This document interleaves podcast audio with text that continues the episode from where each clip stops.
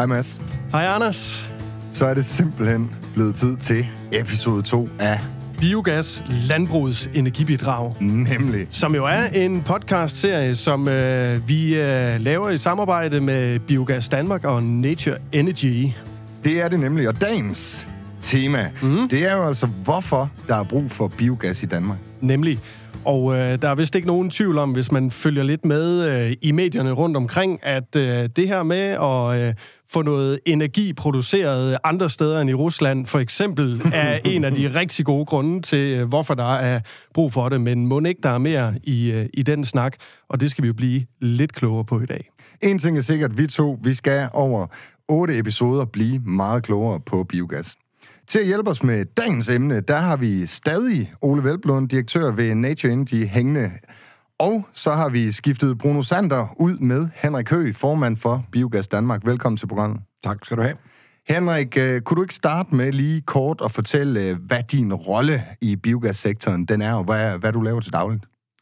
Jamen altså, jeg har jo fornøjelsen af at være formand for Biogas Danmark, som jo er en uh, brancheforening, som fagner alle der har interesse for at arbejde med biogas. Det vil sige, vi har biomasseleverandører, vi har landmændene, vi har de andelsejede biogasanlæg, vi har de store biogasselskaber, som blandt andet repræsenterer her i dag ved Ole Velblund, og vi har rådgivere inden for biogas, og vi har også leverandører af det tekniske materiale. Og vores arbejde, det er jo at lobbyere og skabe politiske rammer over for Folketing, øh, styrelser og ministerier, for at gøre kagen for biogas, for at gøre vilkårene for biogas så gode som muligt, og dermed kagen så stor som muligt. Så vi suser rundt på de øh, boende gulve. Vi øh, har fat i universiteter, og, og vi har selvfølgelig meget kontakt til alle vores medlemmer. Vi fagner sådan cirka 95 procent af den danske biogasproduktion. Har du mere øh, travlt nu, Henrik, end øh, du har haft tidligere, så må jeg heller lige spørge. ah, det her, det er øh, godt, og vel, øh, godt og vel halvdagsjob. Og som gammel cirkushest inden for det politiske liv, ja, så har jeg også lidt andre bestyrelsesposter. Men det er det mest spændende, det er der ingen tvivl om. Netop fordi klima, energi, Putin-gas, det hele er jo rigtig højt på dagsordenen lige nu. Du skal have tak for præsentationen. Jeg tænker, vi springer lige på hårdt, og så, øh, hvad bedre end at få spurgt dig øh, som det første, Henrik. Hvorfor er det så, der er brug for biogas i Danmark? Jamen, det er det jo, fordi, som jeg lige har sagt, biogas er, blevet, kom, er kommet rigtig højt på dagsordenen, men generelt, så giver biogas jo en af de helt store og øh, gode og klimarigtige løsninger på vores øh, klimaudfordringer. Nu, mange snakker sol og, og vind, men der er ingen tvivl om andet. Vi kommer ikke rundt til en klimaneutral og grøn energiforsyning, uden også at have det tredje ben og stå på. Et, denne her malkeskammel skal have tre ben, og der er biogas helt uundværlig. Så samfundsmæssigt, klimamæssigt er det nødvendigt. Og så må vi bare sige, at biogas er jo samtidig muligheden for, at vi i uh, hele fødevarekæden kan levere nogle øh, klimareduktioner. Der er biogas den oplagte, den billigste, den nemmeste og den hurtigste løsning. Har du noget at supplere der, Ole? Ja, jeg, jeg synes, øh, det er lidt det samme, men, men som, som øh, vi, vi ved alle sammen, at den grønne omstilling skal komme fra sol og vind. Det er vi blevet tudet ørerne fuld, fuld af i flere år. Det, og, og det er det, rigtigt. Og det skal, det skal det også. Men jeg tror, der er en ting, som man skal til at vende sig til at sige, at der er en anden vedvarende energikilde, som er lige så sikker som sol og vind, og det er biologisk affald. Og det er biologisk affald, vi putter ind i biogasanlæggene, og det er jo der, at vi øh, netop har en sikker kilde til at kunne lave ny energi også. Og den affaldsstrøm, den vil vi have uanset, hvad vi ellers vi gør. Så det er dumt at ikke udnytte den, og det kan vi her, og der kan vi både få grøn gas ud af den, og vi kan få grøn gødning ud af det. Så det er jo oplagt at gøre. Jeg tænker, øh, det der med sol og vind, altså hvad...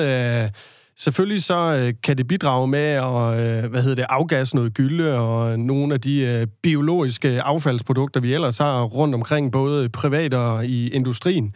Men hvad er det ellers, biogas kan, som sol og vind ikke kan? Altså noget af det, som øh, biogas kan, som sol og vind ikke kan, det er, at øh, der er mange, der også i den grønne omstilling har talt om dekarbonisering. Og når man siger grøn energi og elektrificering, men det, som biogas kan, det er, at vi kan få metan eller grønne kulbrinter, så vi kan lave metan og metanol og den slags.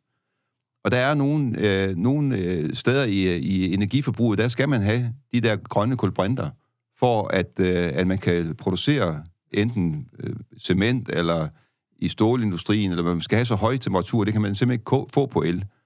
Øh, derudover til tung, en, tung øh, transport skal man også bruge det til fly, til øh, skibe, til øh, lastbiler osv.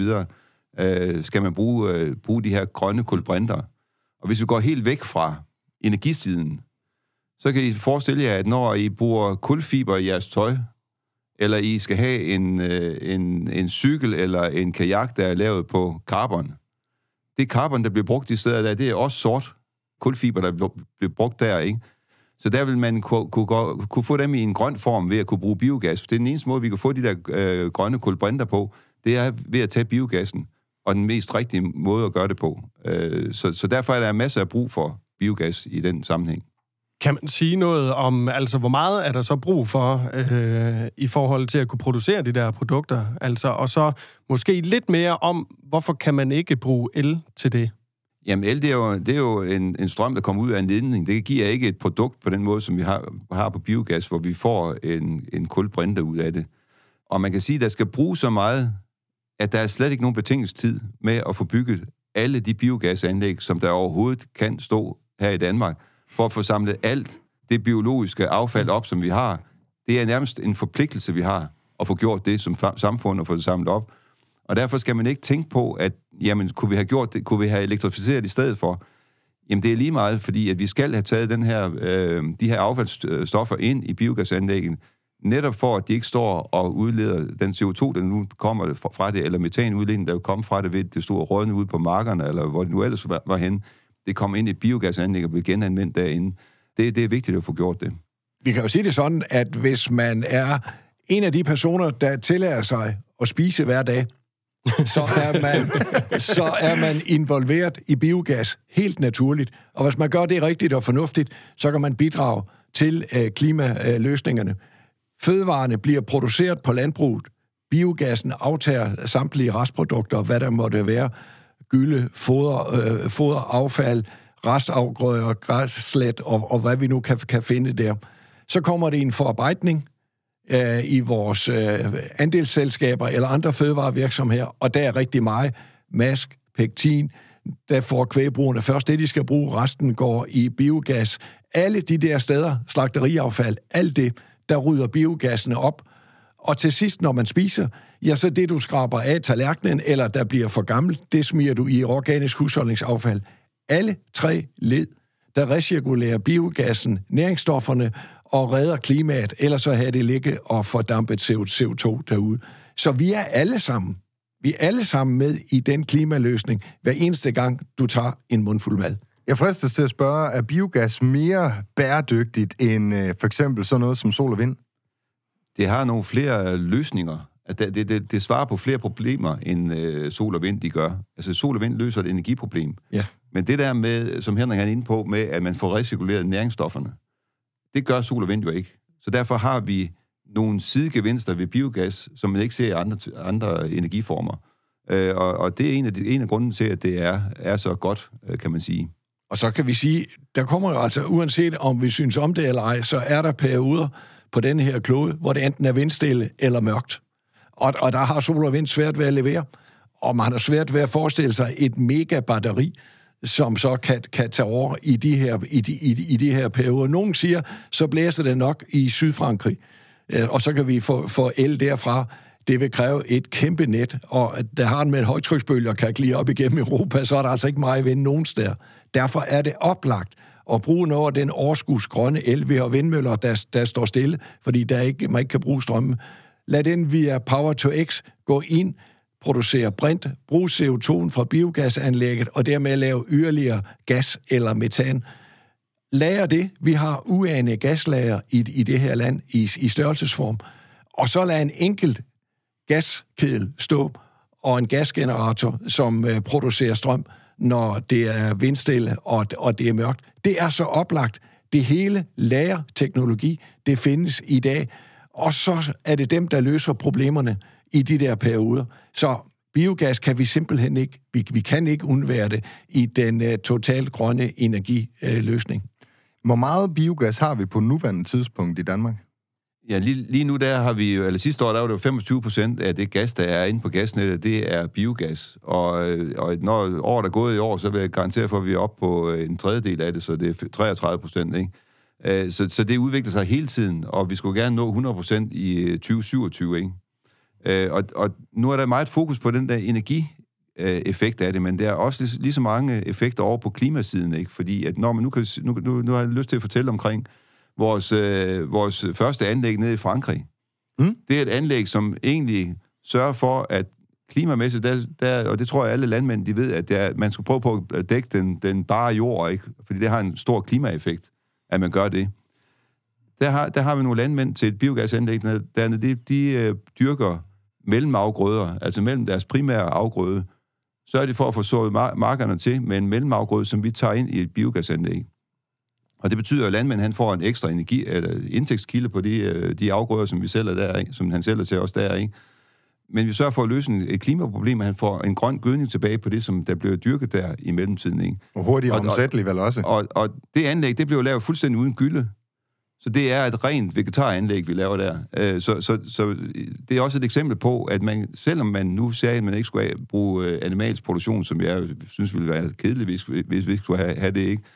selvom man gjorde det, så ville det selv, hvis det var vegetar, plantebaseret det hele, så ville det også være affald til biogasanlæg der. Vi kan sige det sådan, at øh, med de rette rammer, så kan vi dække hele det danske gasforbrug i 27. Men vi har potentiale, altså vi har biomasse i hele den der fødevarekæde, som, som jeg talte om, til uh, cirka den dobbelte produktion. Og det står Europa jo og råber og skriger for i øjeblikket for at komme fri af Putin-gas. Så der er øh, kun at komme i gang og få fuld skrue på, på, på det her. Der er et kæmpe marked. EU siger jo, hvis det går rigtig godt, hvis vi får skabt de rigtige rammer, så når de uh, kan producere, så bliver produktionen af biogas i EU, den kommer til at dække imellem 25 og 30 procent af behovet. Så der er altså et totalt næsten umætteligt behov for grøn biogas, også på det europæiske marked det kan vi i hvert fald komme til at levere rigtig, en, en rigtig stor del af. Du siger med de rigtige rammer. Kan vi lige kort, altså hvad er det, der ja, skal det er til? sådan, nu bliver det en lille smule teknisk, men man har, sat, man, man har sat penge af fra 24 til 30 i en masse små chatpuljer, hvor man øh, garanterer en mindstepris til biogasanlæggene, og biogasanlæggene kan byde ind med, hvor lidt kan de nøjes med. Og det er jo sådan, at hvis de lader være med at lægge CO2-afgift på, øh, på biogas nu, så er det jo tæt på, at man kan producere helt uden støtte. Men de her puljer, okay. de er sat af over en, en 5-6 øh, år. Vi foreslår at skubbe nu det hele sammen i 24, så vi får fuld skrue på udbygningen og udviklingen der. Ja, så er det, at vi kan øh, nå op på at dække hele det danske behov i 27. Jeg vil godt give Henrik ret, hvis øh, regeringen beslutter sig for at tage CO2-afgiften væk på biogas, og vi får den der pulje, øh, pulje nu rykket frem, så blev mm. det, så det blev det sidste støtte, der blev lavet til, mm. øh, til biogas øh, fra, fra statens side. Så kan vi klare os selv øh, uden det, fordi der er efterspørgsel nok. Og derfor, derfor er det også et spørgsmål om, at altså man skal ikke se på, hvad er det, hvor meget biogas er det, vi skal bruge energimæssigt. Vi skal simpelthen lave al den biogas, vi kan lave på de, det grønne affald, vi nu har mm. i, øh, i Danmark, fordi efterspørgselen efter biogas bliver så kæmpestort, at, øh, at øh, der bliver brug for det hele, og vi kan eksportere det til, til udlandet også, øh, hvis vi skal det ikke, fordi at uden for Danmark, der er der en meget større interesse i gas, end der er i Danmark, hvor vi i Danmark jo faktisk er et vindmøller og solland, og kun tænker på el og elektrificering.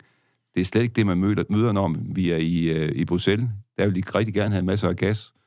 Det er heller ikke det, man møder, når man er i, øh, i øh, Nordamerika. De skal bruge masser af gas, er de klar over og man kan ikke elektrificere det hele. Så du snakker egentlig om en øh, eksportrejse på en eller anden måde? Det er også en eksportrejse, ikke? Og, og de, øh, de ting, som vi nu har gjort i Danmark med, at vi er kommet på forkant med, med teknologien og udviklingen, der vil man se en, en, en tilsvarende trend, som vi har set i, øh, på vind og sol, at mm. vi er foran som danskere på det. Eller i hvert fald på vind, kan man sige. Men, men, men det, det, det er vi også på biogas, og, og det vil man gerne have, den teknologi og den udvikling, som vi har set her i Danmark man, man kan sige, mange kigger ondt til os og siger, at biogas har fået meget støtte. Men i virkeligheden, så ligner den nøjagtigt den samme rejse, som vindmøllerne gennemgik for 10 år siden. og så komme ud af det. Det kan vi nu begynde at øjne. Hvis de der puljer kommer frem, så kan vi begynde at øjne, at, at, at vi kan producere uden støtte en, en hen i nærheden af 2030. Og øh, derfor så... Øh, jeg har ikke dårlig samvittighed på biogassens vegne, og nu kan der blive det samme eksportpotentiale, eksporteventyr, som vi har set øh, på, på vindmølleindustrien. Så de penge skal nok komme tilbage igen. Og derudover kan man sige, at det er jo, det er jo, biogassen har den fordel, at når man sender det ind i gasnettet, så skal slutbrugeren ikke til at lave en ny investering. For den, den investering, han har gjort i sit, til at bruge gas, den kan man også, man også bruge til at bruge biogas, fordi produktet er præcis det samme. Så det, det vil sige, at man skal ikke ud og købe en ny gaskedel, eller ud og bygge, købe en ny bil, hvis det nu var endelig var det. Man kan bruge det, man har i forvejen. Så det, der er en kæmpe besvarelse ud på forbrugersiden også. Og det er noget af det, man har set i, i udlandet. Man skal ikke lave en støtte ud til, til at også kunne støtte og aftage biogassen, fordi det er allerede tilgængeligt. Regeringen har jo været ude og fortælle forbrugerne, at de skulle omstilles øh, i privaten i forhold til, hvilke energikilder de skulle gøre brug af. Og der siger du sådan set her, at øh, hvis bare biogassen den fik lov at eksplodere på dansk jord, så var det slet ikke nødvendigt. Jeg ved ikke, om det ikke er nødvendigt, altså fordi du kan sige, at, øh, at, at hvis man kan varme et hus op med el, så er det måske en god idé at gøre det på længere sigt. Men man kan i hvert fald udskyde det, så man ikke skal tage en meget, meget stor investering nu, og så vente lidt med at tage den. Og det tror jeg, det er fornuftigt også øh, rent samfundsmæssigt at gøre det. Fordi så kan elnettet komme til at være på plads, når man nu endelig skal gøre det. Og biogassen kan bruges til at udskyde den investering, men man kan også så flytte den over til at lave kajakker og cykler af i stedet for. Eller forsyne Europa jo, som, som vi har talt om. Det er jo, så der skal, nok, der skal nok blive afsætning på den der biogas. Men er det simpelthen et spørgsmål om tilskud og økonomi? Er det det, der er den begrænsende faktor? Altså, fordi jeg hørte øh, den anden dag i medierne, at øh, danskerne de var blevet sindssygt gode til at sortere deres affald og bruge den der grønne pose der, måske endda bedre, end man havde forventet. Og øh, det giver jo også nogle udfordringer, for eksempel hen over en sommer, når der skal tømme skrald og så videre. Det var lige derfor, det var op. Men er det det der økonomiske spørgsmål, der er den begrænsende faktor, eller er det fordi, vi ikke kan bygge anlæggene hurtigt nok, og hvor mange anlæg skal vi op på for at nå de der, hvis man nu sagde, det skal være 100 procent? Jeg plejer sådan populært sagt at sige, at øh, der skal stå et biogasanlæg for hver 50 km, og så skal man tage alt det biologiske affald, der er inden for en, for en cirkel af 25 km i forhold til det anlæg. Så det kan du... Så, jeg har ikke lige regnet ud i Danmark, hvor det bliver, men, Vi skal have kortet der skal, frem. Der, der skal bygges øh, øh, nogle flere i Danmark, ikke? Og, der skal bygge, og, det, og det her, det gælder sådan set i alle de lande, hvor man har en fødevareproduktion, at der skal stå som biogasanlæg for hver 50 km. Ørkenerne, dem kan man springe over, men ellers så skal man faktisk gøre det alle mulige steder, ikke? Man kan ikke putte sand i dem endnu. Det vil vi helst ikke have. Men vi må så bare, øh, da Putin og Nord Stream-rørene leverede på fuld speed, og der kom masser af gas fra, fra Nordsøen, ja, der var gas jo utrolig billigt. Naturgas var øh, meget, meget billigt. Kron eller halvanden, eller, eller, eller noget af den dur. Det ligger jo et helt andet leje nu. Det gør det, og, og man forudser ikke, at, at, den, at den pris kommer derned lige med det samme. Men der var det nødvendigt for at komme videre. Ligesom med vindmøllerne for at komme videre og, og bruge støtte. Og, og der var støttepuljerne, det var begrænsningen, altså størrelsen på dem var begrænsningen på, hvor stor produktionen øh, blev. Men det kan vi nu begynde at overskue ud i fremtiden, at øh, vi kan ligesom vindmøllerne også komme til at levere på et åbent marked. Og det er jo godt at se, at statens investeringer og de tiltag, de ja. gør, det betaler sig tilbage så ikke. Men det kræver altså, det vil sige, at man ikke nu lægger en CO2-afgift på det der her ledningsført biogas. Det ville være tåbeligt at skulle betale CO2-afgift på et CO2-neutral energikilde. Og det kan sagtens lade sig gøre. Og skille naturgas og, og, og biogas af. Øh, man køber nogle oprindelsesgarantier, som det hedder. Det vil sige, at når Ole har produceret noget gas, så får han sådan en oprindelsesgaranti, som han kan sælge til den, der vil købe hans gas derude. Og så tabte det af nettet. Nu har vi talt en del om, øh, hvorfor der er brug for biogas i Danmark, men hvorfor har landmanden så brug for biogas? Ja, der er sådan set to ting. Der er dels det at komme af med de øh, metanudledninger, som der er ude i forbindelse med en landbrugsproduktion eller en fødevareproduktion. Og fødevaren, dem vil vi jo gerne have, og det vil vi gerne have, at landmændene bliver ved med at producere. Og, og derfor er det vigtigt for landmændene at få, få hans affaldsstoffer ind på et biogasanlæg, så vi får reduceret CO2-udledning og metanudledning, så det bliver vigtigt for fødevareproduktionen, for at have en ordentlig bæredygtig fødevareproduktion og være tilknyttet biogasanlæg. Så skal vi jo så selvfølgelig sørge for, at der kommer biogasanlæg ud i hele landet, ikke? Og, øh, og, og, og sådan, at vi får dækket hele landet, så, så, så både London Falster, hvor vi har lige fået en gaslinje ned, er jo kommet med, ikke? og nu mangler vi sådan set kun Djursland.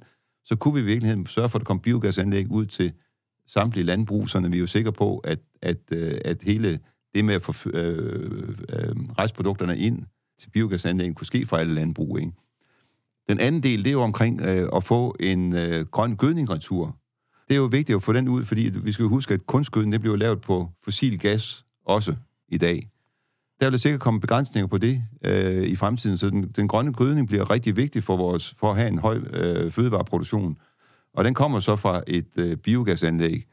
Og der bruger vi jo i vores laboratorier øh, masser af tid på at få bygget processer op, så vi kan sørge for, at den gødning, der kommer ud, den er så god som overhovedet muligt, så vi får lavet det, som nogen kalder designergylde. Øh, så det er jo det, er jo det, vi, det, det, vi arbejder med. Der kommer vi jo ind på i øh, en af de senere episoder, designergødning. Ja.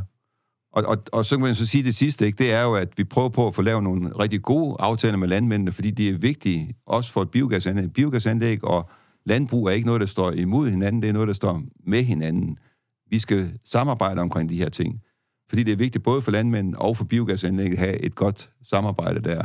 Og det er vi jo blandt andet vist ved at indgå en, en fin aftale med alle landmændene i, øh, i, sam, i samarbejde med LBBL.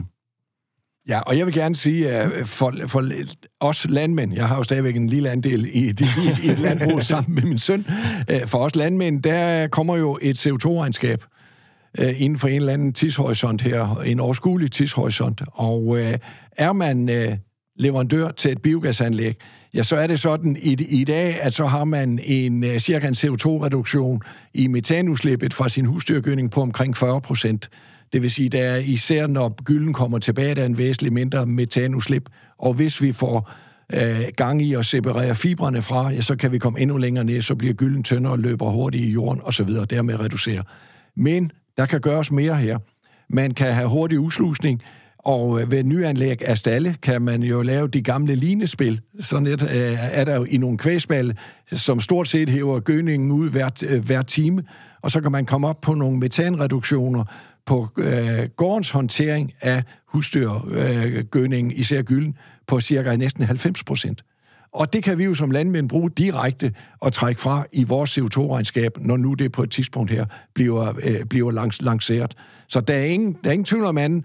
Det her, det giver metanreduktion i hele kæden, men det gør det altså også på de enkelte landbrug, og det bliver vigtigt, når CO2-regnskabet kommer. Jeg tænker, det må være lidt øh, hårdt at sidde derude øh, som landmand og måske ikke have mulighed for at være med på det her endnu. Altså fordi, øh, som du også siger, Ole, jamen, så er der jo en, ligesom en begrænsning, der hedder noget med noget transport til og fra øh, de her øh, steder, man producerer det. Men kan vi sige et eller andet om her til sidst? Altså, hvad er udsigten i forhold til at få de sidste øh, landbrug med på det her? Går der mange år, eller ligger det lige rundt om hjørnet? Med de rigtige rammer, det bliver jeg ved med at sige, for, fordi vi, vi skal have, have politikerne med omkring det her, men med de rigtige rammer, så kan vi komme op og fange 70-80 procent af husdyrgødningen her i landet, og det kan vi, øh, det kan vi nå i til omkring 2030. Og så producerer vi selvfølgelig både gas til, til Danmark og, og til Europa på den, på den baggrund. Det er, når vi kigger på logistikken, så kan det være, at Ole han kan køre lidt længere med en lastbil, eller, eller hvad vi nu finder ud af, så vi når højere op. Men det er, når man kigger på de der 25 km cirkler med en radius på 25 km. Så altså opfordringen herfra, det vil jo være, at hvis man er et sted, hvor man ikke har biogasanlæg, så er det med at få, sammen, med at, at, at få taget fat i ens naboer og få samlet ja. en, en gruppe omkring, øh, omkring et geografisk område, og så er de meget velkommen til at kontakte Nature Energy, så vil vi gerne komme ud og, og snakke med dem om at få bygget et biogasanlæg. Vi må da i den grad håbe, at der skulle sidde en politiker eller to, der lytter med. Alt andet lige, så er det jo i hvert fald super relevant, det her. Vi lægger maksimal pres på, på politikerne lige i øjeblikket. Politikerne kan gøre rigtig meget for, at vi kan give et væsentligt bidrag til den danske klimaindsats, og samtidig lave en fornuftig recirkulering af næringsstoffer. Og med de ord, så når vi simpelthen ikke mere af dagens program. Ole Velblund og Henrik Høgh, I skal have mange tak, fordi I tog jer tid til at gøre os klogere på emnet biogas. Selv tak. Selv tak.